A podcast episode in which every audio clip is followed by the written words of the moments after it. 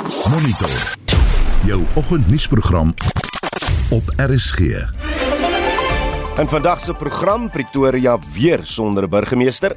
Dit het nogal verrykende implikasies vir die magsbalans binne die Tshwane Raad. Die praktiese is natuurlik dat die raad nou letterlik leierloos is.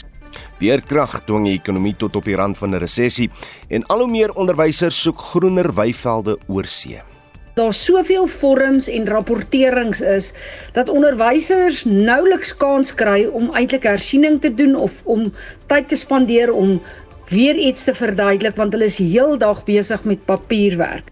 Welkom by Monitor, die span vanoggend is Wessel Pretorius, JD Labeskagni en ek is Udo Karlse. In vanoggend se sport Bafana Bafana se AFCON kwalifikasiewedstryde teen Liberia kruip vinnig nader. Chelsea en Benfica bly staande in die Kampioenligga en die wêreldnommer 18, Ashley Buy, keer terug na die Suid-Afrikaanse vroue golfope vir die eerste keer in 3 jaar. Ek is Shaun Schuster vir RSG Sport. Op sosiale media is die hits NATO reeds meer as 78000 keer gedeel en dit is na aanleiding van Swede en Finland se aansoek om deel te word van die NAVO-lidlande. NAVO se sekretaris-generaal Jens Stoltenberg het gister by 'n tweedagse konferensie in Stockholm gesê die toetrede van Swede en Finland is 'n topprioriteit vir NAVO en vordering word gemaak. En onder die hits River is Coming, sou 'n mens kon dink mense praat oor al die reën wat gister in Gauteng uitgesak het, maar dit gons oor die sangeres Miley Cyrus se nuwe enkelsnit River wat Vrydag bekend gestel word en dit is deel van haar agste album Endless Summer Vacation. En dan Gestina, vandag is internasionale vrouedag en ons wil by jou weet, wie is jou vroueheld? Watter vroue het of speel tans 'n groot rol in jou lewe en hoekom? Sy kyk na een of twee van die boodskappe Johan Oosthuizen se op Facebook, my vrou Annelien die beste van die beste en as jou naam Annelien Oosthuizen is, dan is jy een van die beste van die beste. Ek wil ook net sê, ons praat nou nie net spesifiek met die mans nie. Ons praat met almal. Wie is jou vroueheld? Laat weet, stuur 'n SMS na 4588919 R50 per boodskap. Jy kan saampraat op uh, Monitor Spectrum se Facebookblad of stuur vir ons 'n WhatsApp stemnota na die nommer 0765366961. Dis 11 minute oor 6. Kaapse raadslid wat verlede week tot burgemeester van die Tshwane Metro verkies is, Marunwa Makwarela, is as proporsioneel verteenwoordigende raadslid gediskwalifiseer. Dit beteken dat Pretoria weer sonder burgemeester is. Die stadsbestuurder, Johan Metler, het gister die verkiesingskommissie in Gauteng in kennis gestel dat 'n tydelike vakature in die metro ontstaan het nadat Makwarela gediskwalifiseer is. Nou, ingevolge artikel 158 van die grondwet, mag niemand wat insolvent verklaar is tot raadslid verkies word nie. Maar Corella is in 2016 insolvent verklaar en is blykbaar nooit daarna gerehabiliteer nie. Ons praat nou met Roland Henwood, 'n politieke wetenskaplike aan die Universiteit van Pretoria. Roland, goeiemôre. Goeiemôre Oudo. Dis seker voor die hand liggend, maar maar hoekom is ons wetgewing so streng dat mense wat swak werk met hul finansies nie tot raadslid verkies kan word nie? Wel, ek dink daar's twee redes. Die een is 'n breë etiese beginsel dat jy met mense wat jy verteenwoordig se belastinggeld gaan werk en jy moet 'n bepaalde mate van verantwoordelikheid en vermoëns daarin kan demonstreer.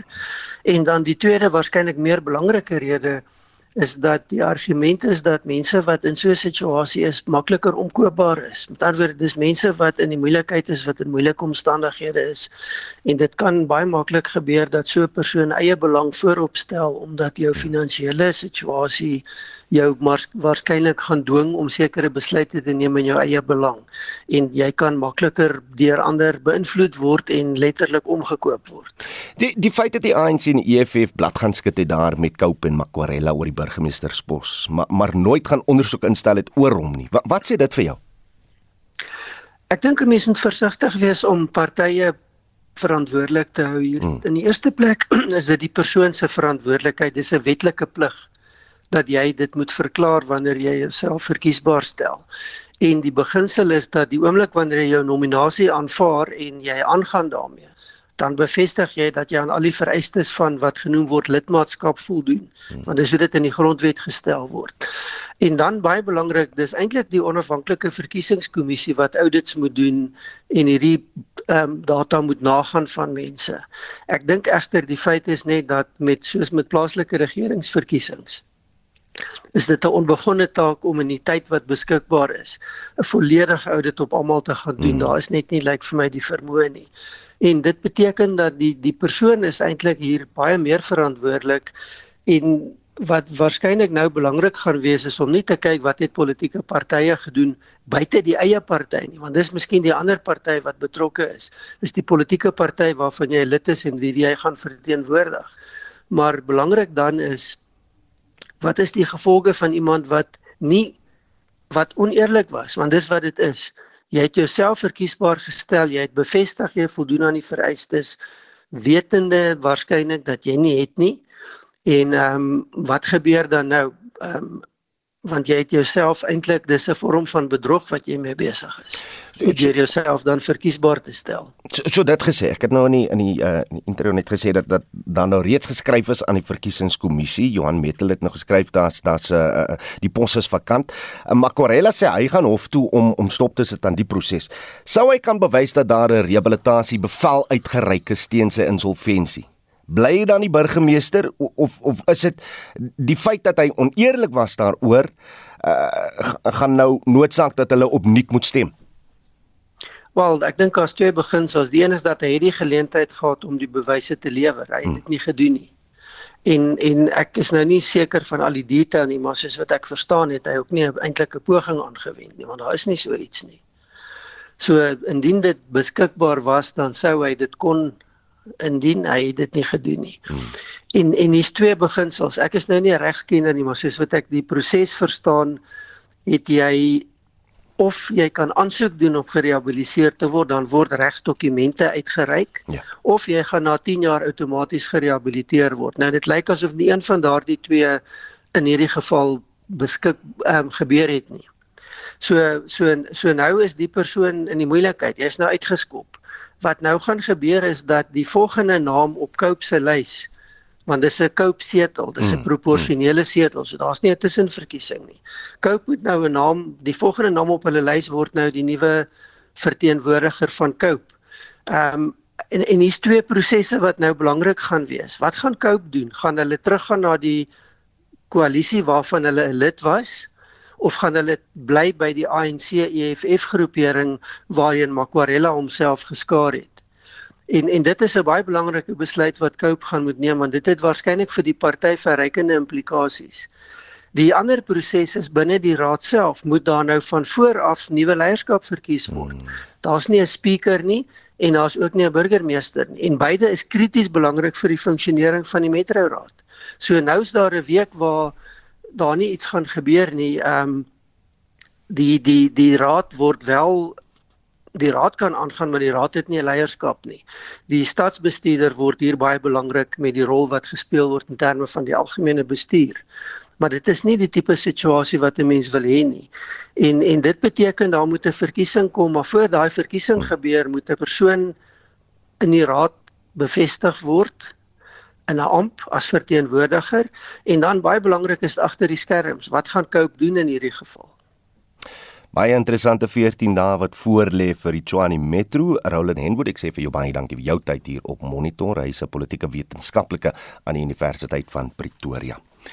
Die minister van Polisie, Bekkie Cele, het 'n gespesialiseerde taakspan in Westbury ontplooi wat vir die volgende 3 maande bende geweld gaan aanpak. Cele en 'n afvaardiging van die Gautengse provinsiale regering het gister met die Westbury gemeenskap vergader te midde van toenemende bende geweld in Johannesburg se woonbuurt. Joan Marie Verhoef doen verslag. Cele sê die taakspan sal elke dag die gebied patrolleer. Hy sê inwoners moet in die tyd terugvoering gee sodat hul veiligheid verbeter kan word. We'll be here and saturate this place 24 7. Three months is for assessment. Three months is when we come back to your community and we say, Tell us what you see and tell us what you want. We're here for you. We're here to be told by you what to do. We're here for your safety. We're here for your comfort. And remember, we live because they live.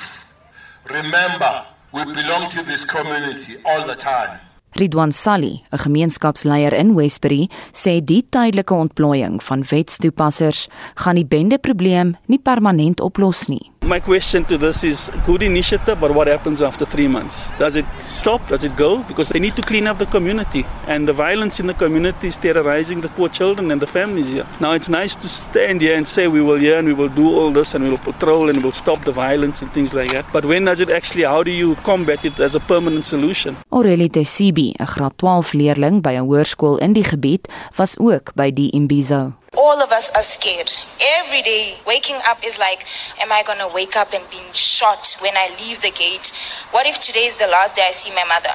It's not what an ideal teenager should be thinking about. I'm in matric. I'm supposed to be thinking about passing and doing well at school. But I'm here thinking about I'm going to school, I'm going to meet people who come with knives, come with pills, come intoxicated. Maybe they could harm us.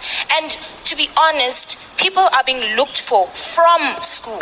Die Gautengse premier, Panyaza Lesufi, het op sy beurt ook met die gemeenskap gepraat. I just want to emphasize one point. The time of talking is over. We need to act and act decisively. I want to assure you the government that I have the honor to lead in this province has identified crime as enemy number one and has spared no resources to ensure that we unleash those resources to hunt, get criminals, and ensure that our province is peaceful. So sê die Gautengse premier Panyaza Lesufi. Die verslag met die hulp van Sasha Naidu, ek is John Marie Verhoef vir SAK nuus. Ons bly by die storie en vir meer oor die vergadering in Westbury gister en die situasie op grondvlak. Vandag sluit die teenmisdaadaktivis Dereline James nou weer by ons. Aan Dereline, goeiemôre. Good morning and thank you for having me. Lyk die mense wat ontplooi is soos 'n gespesialiseerde taakspan? Um, uh, ik, ik weet niet. I'm, I'm not going to say much at this point. I have, over the past 10 years, attended I don't know how many of such in Bezos and seen all of these forces and these resources. And three months later, they all get pulled out or they're on the ground, but they just don't know what to do. There's no plan of action where they're just policing the area in terms of walking around, but don't even know where to start with the first lolly lounge or drug house. Hmm. Maar maar wat sê die die die uh, terugvoer van die mense in Westbury? Was dit maar 'n relatiewe stil aand gisteraand gewees of?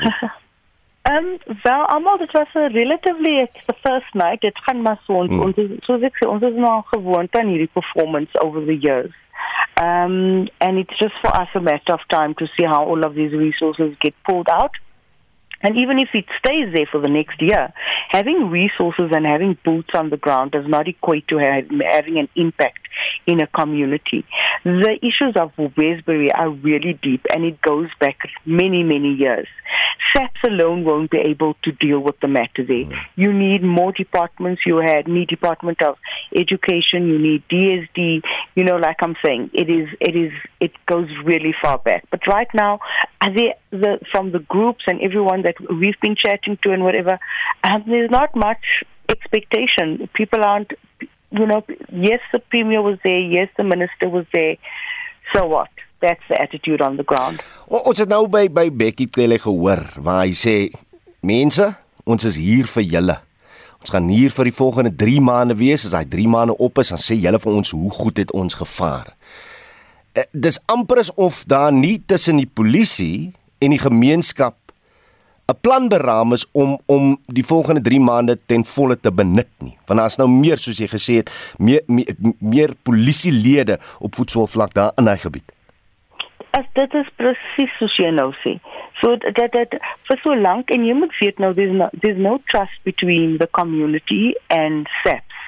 I think for one you should have had a plan that addresses restoring the trust so that people can actually come forward with information you know, in terms of the where and the how. But I also believe your local SAPS that was there, um, that's based there, Town Police Station, and those policemen, they know exactly where the drugs are. They know who the criminals are. They know who the ones are carrying the guns. You know, they've known it all along. Mm. And if to date they haven't managed to root it out, what's going to be different this time around? They've had anti-gang in the area for the longest time ever. It's not that anti-gang is coming in as from yesterday. What were the results? They've had extra boots on the ground. Uh, despite having extra boots on the ground, I mean, last week, uh, police were meters away and the killing continued and the shootings continued. So, for as long as there's not a plan, an actual plan to address the crime, as long as they don't know how, there, there needs to be. This is an unconventional um, crime that has that has happened in the area. You don't just come in and have normal policing where you say we have visible policing, we have resources. You've got to look deeper into the situation and actually come up with a plan on the how that's going to make the difference. Net laastens jy's 'n gemeenskapsleier. Ons het by Ridwan Sali in die inset gehoor hy's 'n gemeenskapsleier. En, en en ek verstaan dit dat mense krities en, en sinies kan wees oor wat nou.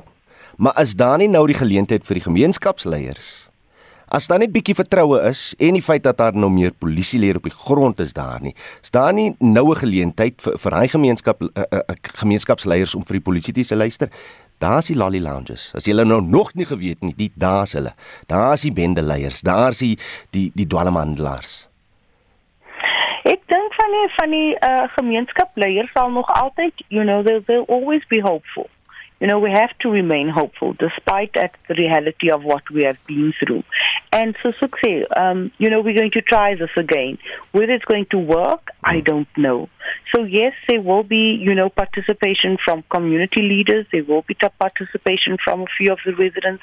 But whether it's going to have the impact or whether it's just going to endanger their lives, we don't know. Dedelin James, baie dankie vir tyd op Monitor. Sy's 'n teen-misdaad aktivis.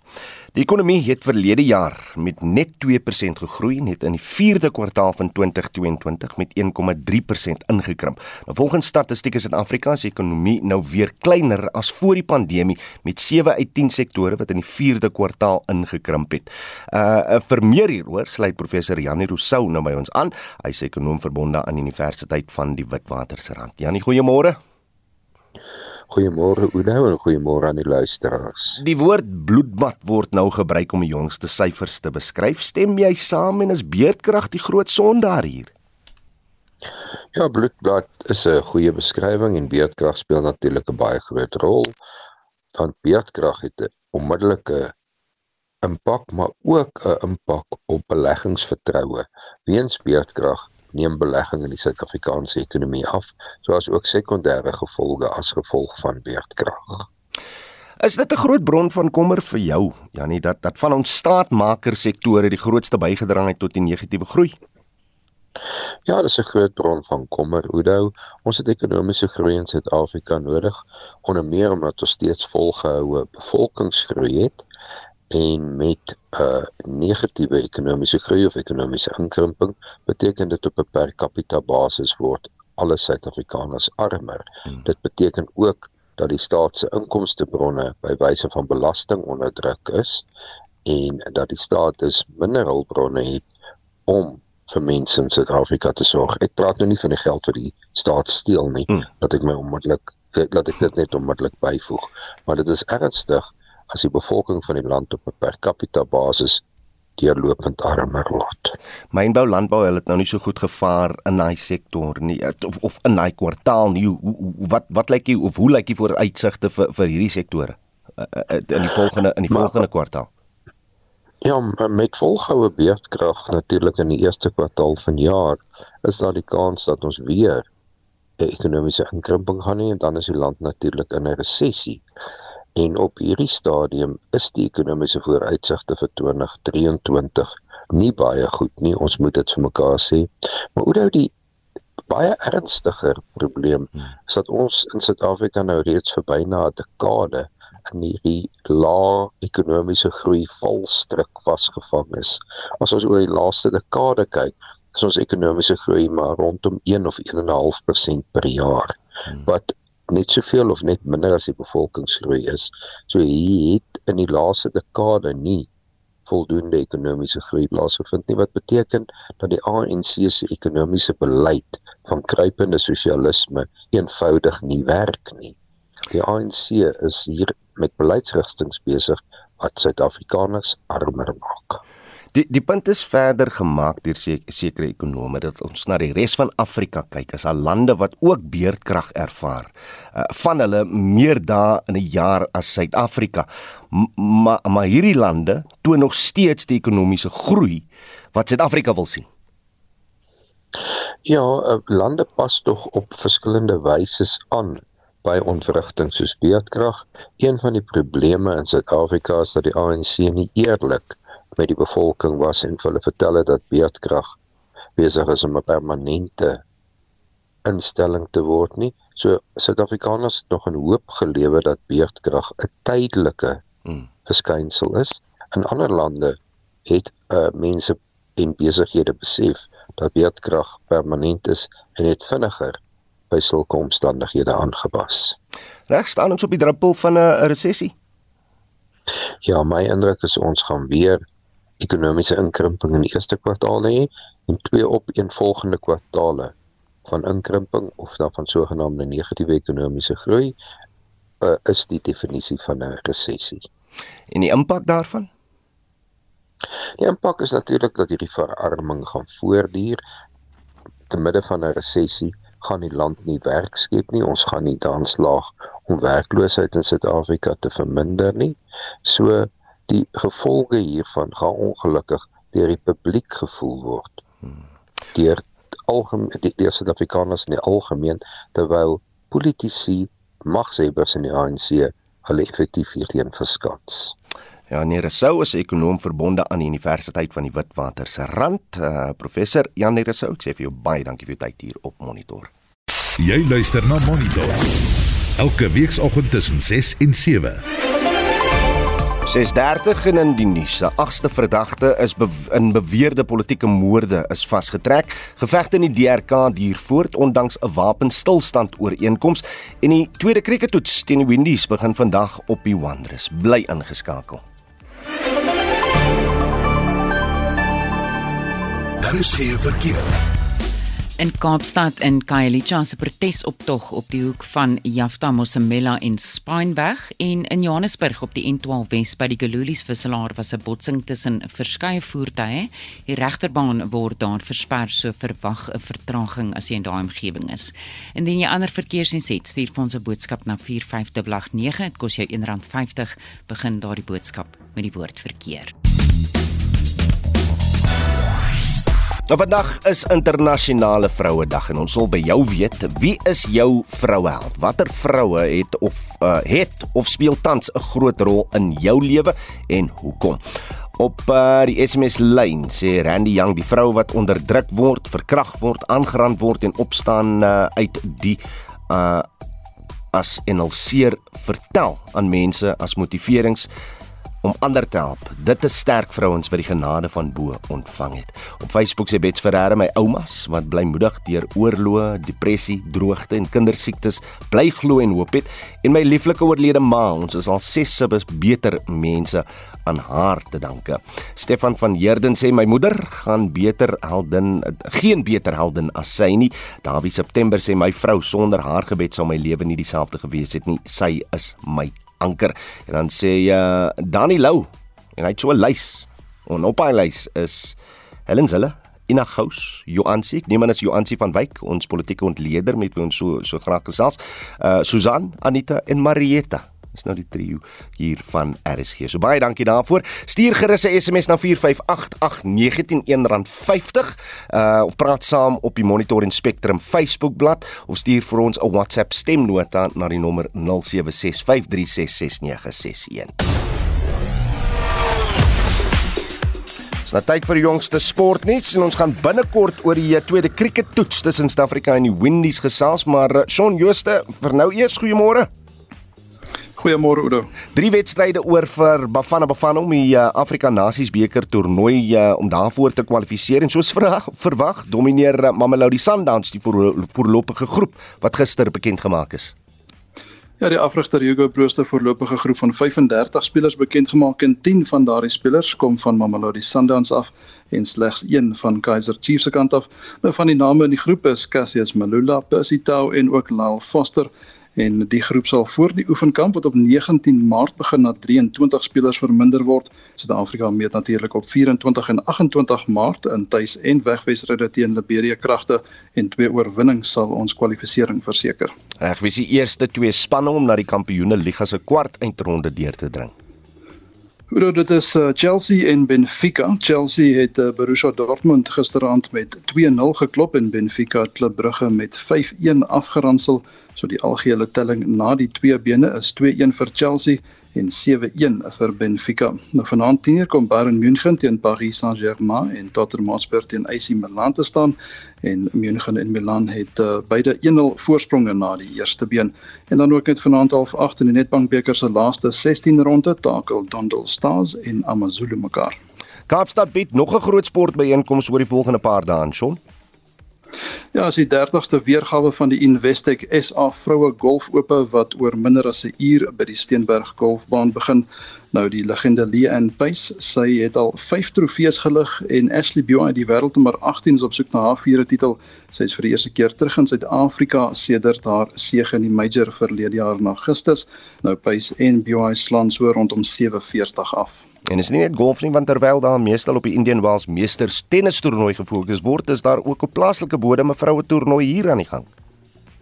Ja, in die eerste ronde van die ITF toernooi wat by die Universiteit van Pretoria gespeel word, het ons voorste vroue speler Isabella Creer haar landsgenoot Claire Haramba met 6 stroop en 6 stroop verpletter en Susanne Pretorius is ongelukkig in die eerste ronde uitgeskakel. Sy het 6-4-7-6 teen Lulusan van Switserland vasgeval.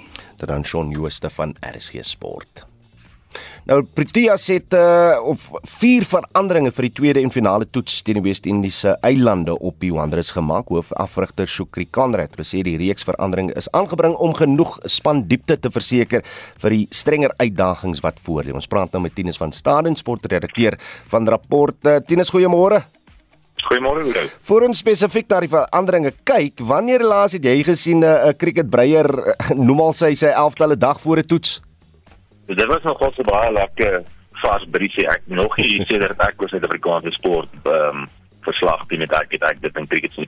Ja, ek sien ons doen dit baie keer en in in Engels so nou en dan, maar ja, dit is nogal so lekker 'n lekker verandering om te sien by by die Proteas. Reg, nou kan ons kyk na die manne wat inkom, die manne wat uitgaan. Andre Gnortjie uit 'n liesbesering, hy gaan nie speel nie. Keegan Petersen en uh Senior Mutosami, hulle het 'n been voor paaltjie probleem, so hulle gaan nie speel nie.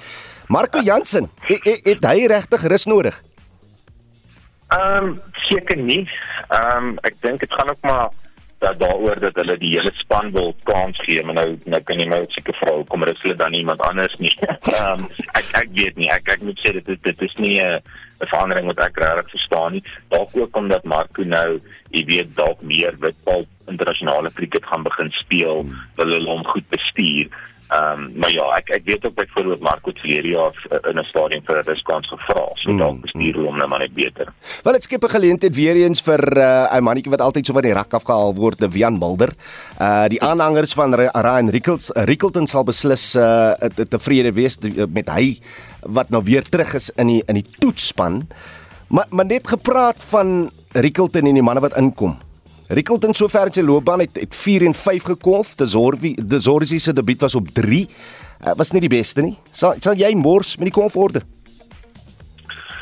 Ja, kyk, dit is moeilik want jy daai Desorzi is eintlik 'n aanvangskolwer, hmm. uh, maar jy het vir Aiden Markham en Dean Elgar lyk like dit my nou is hulle is hulle eerste keuse aanvangspaar. So dan moet jy maar die en net vir Themba Bavuma op nommer 4 Ryan Rickelton het nou al gewys hy kan 'n paar, right, al 'n hele paar honderdtalle op nommer 5 geslaan nou. Dit is nie dit is nie sy sy noodwendig sy sterkste posisie nie, maar dit is dalk 'n plek waar hy sy loopbaan kan begin. Ehm um, en selfs met Desorzi, ek is seker later in die, in sy loopbaan sal Desorzi die beurt begin begin veral hmm. na die Nelga se uittrede sal die Zorzi en die en um, skiet en Aiden Marken waarskynlik die aanvangspaar wees met wie weet dalk Ryan Rickelton wat op nommer 3 instap en Pembal nommer 4. So miskien bring hulle net die jonger ouens in op op op ander posisies, maar nou ja, jy kan ook seker daarvan sê of dit uh, mens weet nie dit 'n goeie idee is nie, maar ja, dalk uh, sal ons al hulle verseker later in hulle loopbaan in hulle in hulle presiese posisie sien. En net laastens toe ons almal Lassie Wanderers op televisie in die SA20 gesien het, was dit hemel op aarde vir die draaiers. Hoe lyk vandag want ons het vir Cash en Hamer gekies en daar was heelwat reën gewees gisteraand in Johannesburg. Ja, dit gaan interessant wees om te sien die draaiers het die afgelope tyd redelik goed gevaar op die Wanderers. Ehm um, ek meen in die verlede was dit altyd 'n uh, weet jy altyd gewonder of jy een draaier van inspan in die in die in die pits op op die Wanderers nou kies hulle sommer twee draaiers. So dit verseker iets nie. Ehm um, ja, dit Fikri Konrad het gesê dit is veronderstel om vyf dae te gaan so nou ja, ons weet met hierdie twee spanne se golflys dit nie altyd moontlik nie soos wat ons in Centurion gesien het en as dit gebeur sal dit ook interessant wees om te sien wat se rol die twee draaiers is en of daar genoeg werk is vir hulle albei. Maar die Proteas sal verseker hoop dat dit wel so is. Tinus van Staden, dankie vir jou tyd. Eh, Sponsredakteur van rapport daar, Tinus van Staden. Soos ons in die nuus gehoor het, dis die nuwe adjunkt president, die nuwe ministers en adjunkt ministers by Tuinhuis in Kaapstad gisteraand ingehuldig. Zelin Merrington doen verslag. I, Shipokosa Paulus Mashatile, swear that I will be faithful to the Republic of South Africa and will obey, observe, uphold and maintain the Constitution and all other law of the Republic. And I solemnly sincerely promise that I will always promote all that will advance the Republic and oppose all that may harm it. Be a true and faithful counselor, discharge my duties with all strength and talents to the best of my knowledge and ability, and true to the dictates of my conscience, do justice to all, and devote myself to the well being of the Republic and all its people. So help me God. Dit is die woorde van die nuwe adjunkpresident Paul Mashatile. Hy was saam met nuwe lede van die kabinet ingehuldig na 'n kabinetskommeling. Terwyl sommige senior ministers soos Lindy Wesisulu die trekpas gekry het, is nog twee ministeries in die presidentskap aangekondig, een vir beplanning, monitering en evaluering, as ook 'n ministerie vir elektrisiteit. Die minister van elektrisiteit, Gosien Shohramakgopa, sê hy beplan om sy hande vuil te maak. One of the few occasions you'll find me wearing a suit.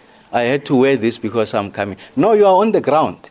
Uh, project managers are on the ground. You, I don't get to only be explained about the problem. I need to experience the problem. The appointment of an electricity minister doesn't resolve load shedding. The actions of the electricity minister working with the player stakeholders resolve load shedding. Hy het bygevoeg dat die rede hoekom sy portefeulje op die been gebring is, is om die gereeldheid en intensiteit van beerdkrag in die afsienbare toekoms te verminder. You must have a laser and single focus on addressing the issue of load shedding. And you need someone who will live, eat, breathe the resolution of this problem so that there's no other diversions or competing requirements on that person's diary. So it's an extraordinary event. It's got catastrophic implications if we don't get to address it. But I want to say the following I am more than confident that we are going to resolve load shedding. I, I am more than confident that we, we are going to resolve load shedding. Of course, going to be daunting, like I said, we'll communicate to the public how we are addressing this situation. Dit was die minister van elektrisiteit, Goseencho Ramakgopa, Zelin Merrington, Parlement. Ongeveer die helfte van vroue in Suid-Afrika is werkloos en die wat wel werk, verdien gemiddeld minder as mans. So skryf president Ramaphosa in sy weeklikse nuusbrief. Daarin erken die president dat die gaping in ekonomiese posisie tussen mans en vroue steeds te groot is en dat daar nog baie werk is om te doen om vroue in Suid-Afrika ekonomies te bemagtig. Vandag is internasionale Vrouedag en professor Hester Klopper sluit nou sluit, sluit nou by ons aan. Sy is die visierektor vir strategie, globale en koöperatiewe sake aan die Universiteit Stellenbosch. Hester, goeiemôre. Goeiemôre Oudo. Goeiemôre aan die luister. Lekker om jou jou uh, saam met ons te. Ek wil net begin met die woorde van die president en hy sê die idee dat vroue se plek in die huis is moet verander. Is dit werklik een van die grootste uitdagings? Met ander woorde, is ons as Suid-Afrika as land nog steeds daar vasgevang?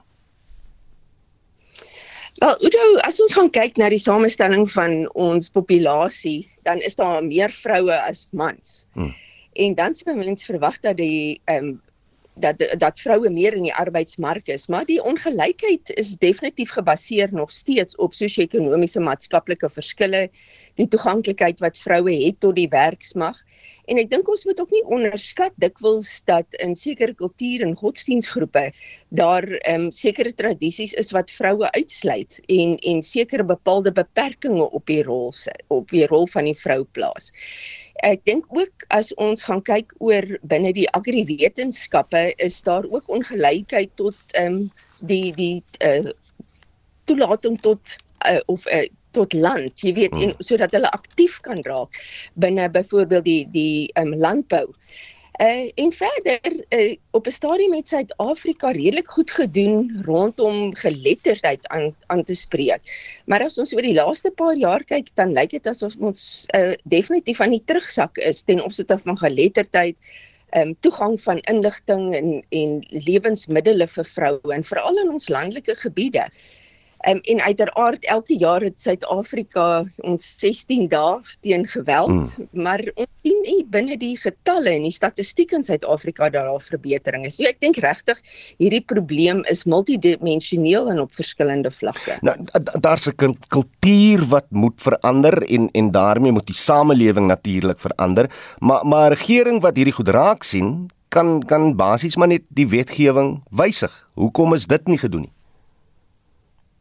Nee, ek dink intedeel, ek dink daar's daar's baie goeie wetgewings wat wat dit hmm. aanspreek en ek sien ook dat ons sit met 'n minister binne in die in in ons president se se kantoor wat hierdie sake aanspreek. Ek dink die uitdaging is om juis uit die uit die beleid uit na aksie oor te beweeg. En hierdie aksie gaan bepaalde uh, verantwoordelikheid vat soos byvoorbeeld dat daar doelbewuste programme moet wees.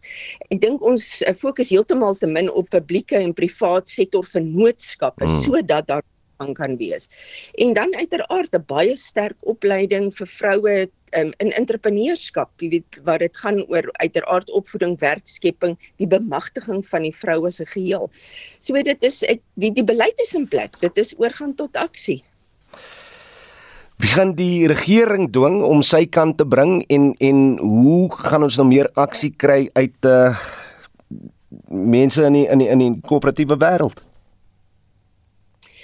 Maar jy weet selfs uh, ons sou sê ja, jy weet ons ons wys so maklik hier vinger na die regering en uiteraard so sê dat die beleid is daar, maar ek dit is ook tyd nou dat ons kyk rondom die um, publieke sektor om werklik hulle rol te speel.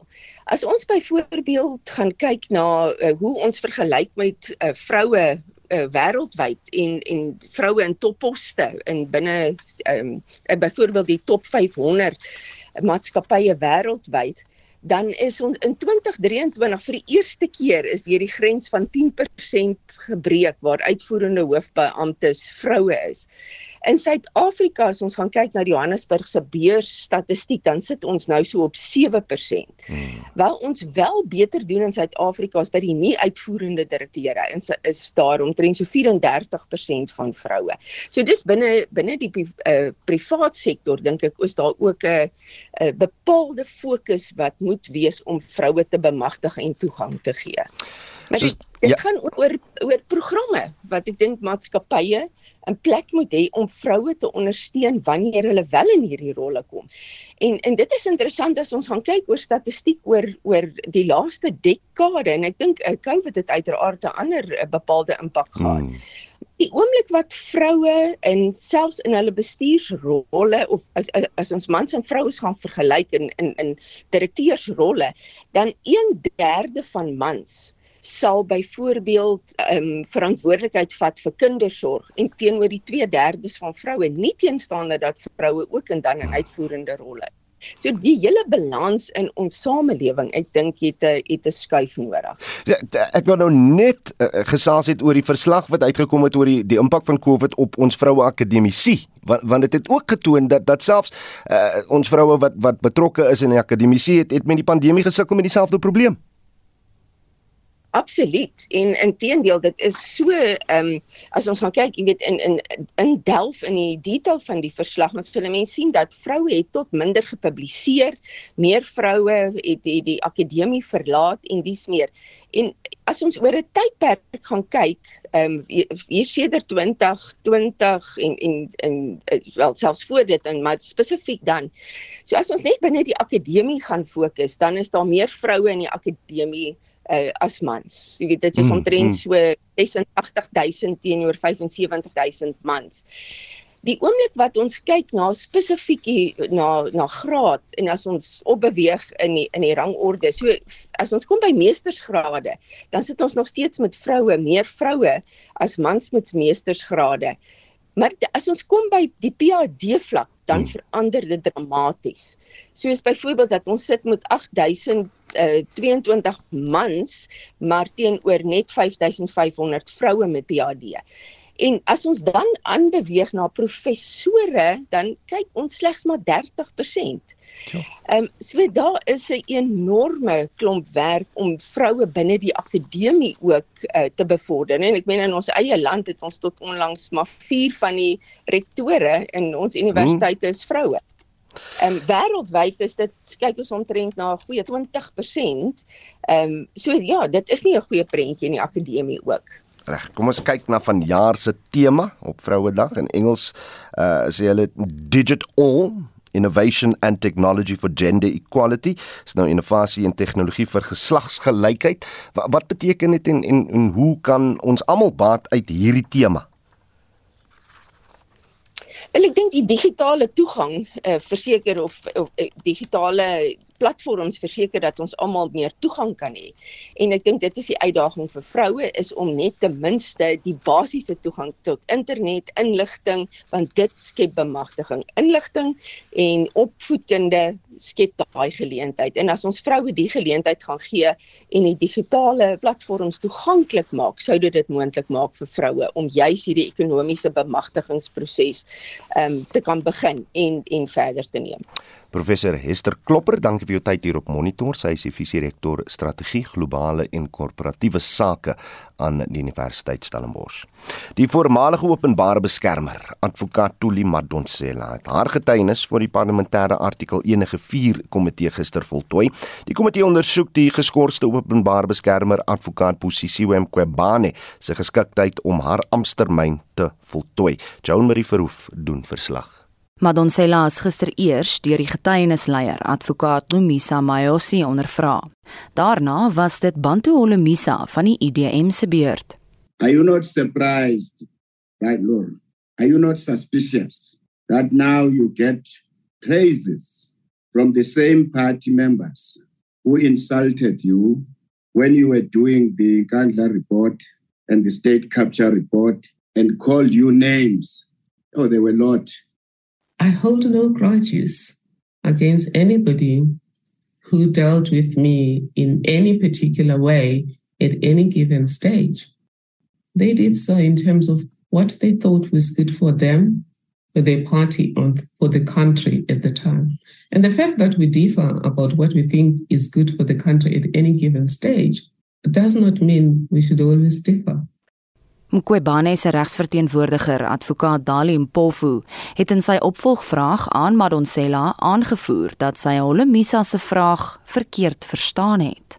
I think the the gist of the question was whether you don't find it strange or you're not surprised that the same people who insulted you during the Nkandla debacle and called you names and called you a CIA spy whatever and still call you names and sometimes even objectionably referred to your features and uh, all sorts of despicable things, degrading names, that those people are now praising you. Even by your standards, Advocate Mpofu, this was the lowest. Chairperson. You conceived as an advocate of the Supreme Court of South Africa to bring, to bring insults that have been into the public domain into oh, this. Advocate, advocate Madonzela, please take, take, take a breather. Uh, I, I understand what the challenges are. Hmm. I did ask you yesterday not to get to that level. And I'm, okay, I'm I apologize, asking, sir. I'm asking again. Okay. Uh, I apologize and I withdraw. Maar Madonsela was nog nie klaar met hom nie. Advocate Mpofu, I am shocked beyond measure that you, as an advocate of the High Court of this country, have taken slurs that have been said to me. A lot of the things that you've said have never been said in Parliament. The one mm-hmm. slur about my looks that you have repeated in this record that you yourself have said you envisage to be here for a hundred years. You have brought what President Zuma said about my looks in the streets into this record. That is shocking and that is unprofessional say. Die komitee hervat volgende week Woensdag. Die geskorste OB advokaat Bosisiwe Mqobane sal na verwagting binne die volgende paar weke haar getuienis aflê. Die verslag van Joseph Mosia, ek is Jean Marie Verhoef vir SAK nuus. Ja mense, dit was gister in die parlement en vandag is internasionale vrouedag.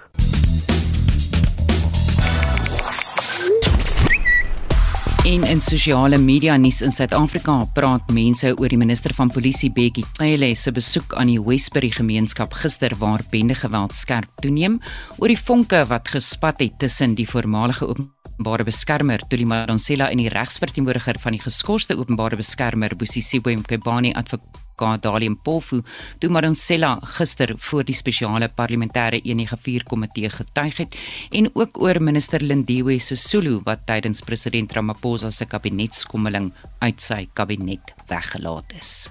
Nou omdat dit vandag internasionale vrouedag is, wil ons eenvoudig net weet wie is jou vroueheld? Op Facebook sê Pietro Matthys en my ma is al oorlede. Op die oomblik is ek my eie held. Cecile Joubert sê my mamma in die hemel was my heldin, raakvatter, talentvol, liefdevol, sterk vrou, baie lief vir ons pa en ons kinders om Gema, sê sy streng, maar net genoeg sy was 'n superheld gewees.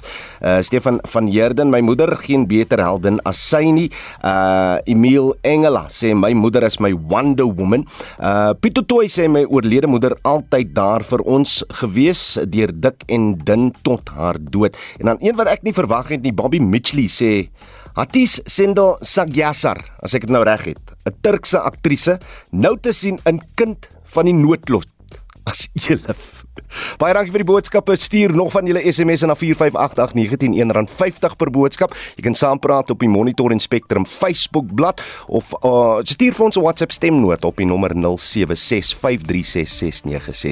Net voor ons uh, tot sien sê, onthou dag 1 van die tweede toets tussen Suid-Afrika en die Wes-Indiese eilande. Hy uh, is te sien op SABC3, dis nou van uh, half 10 vanoggend.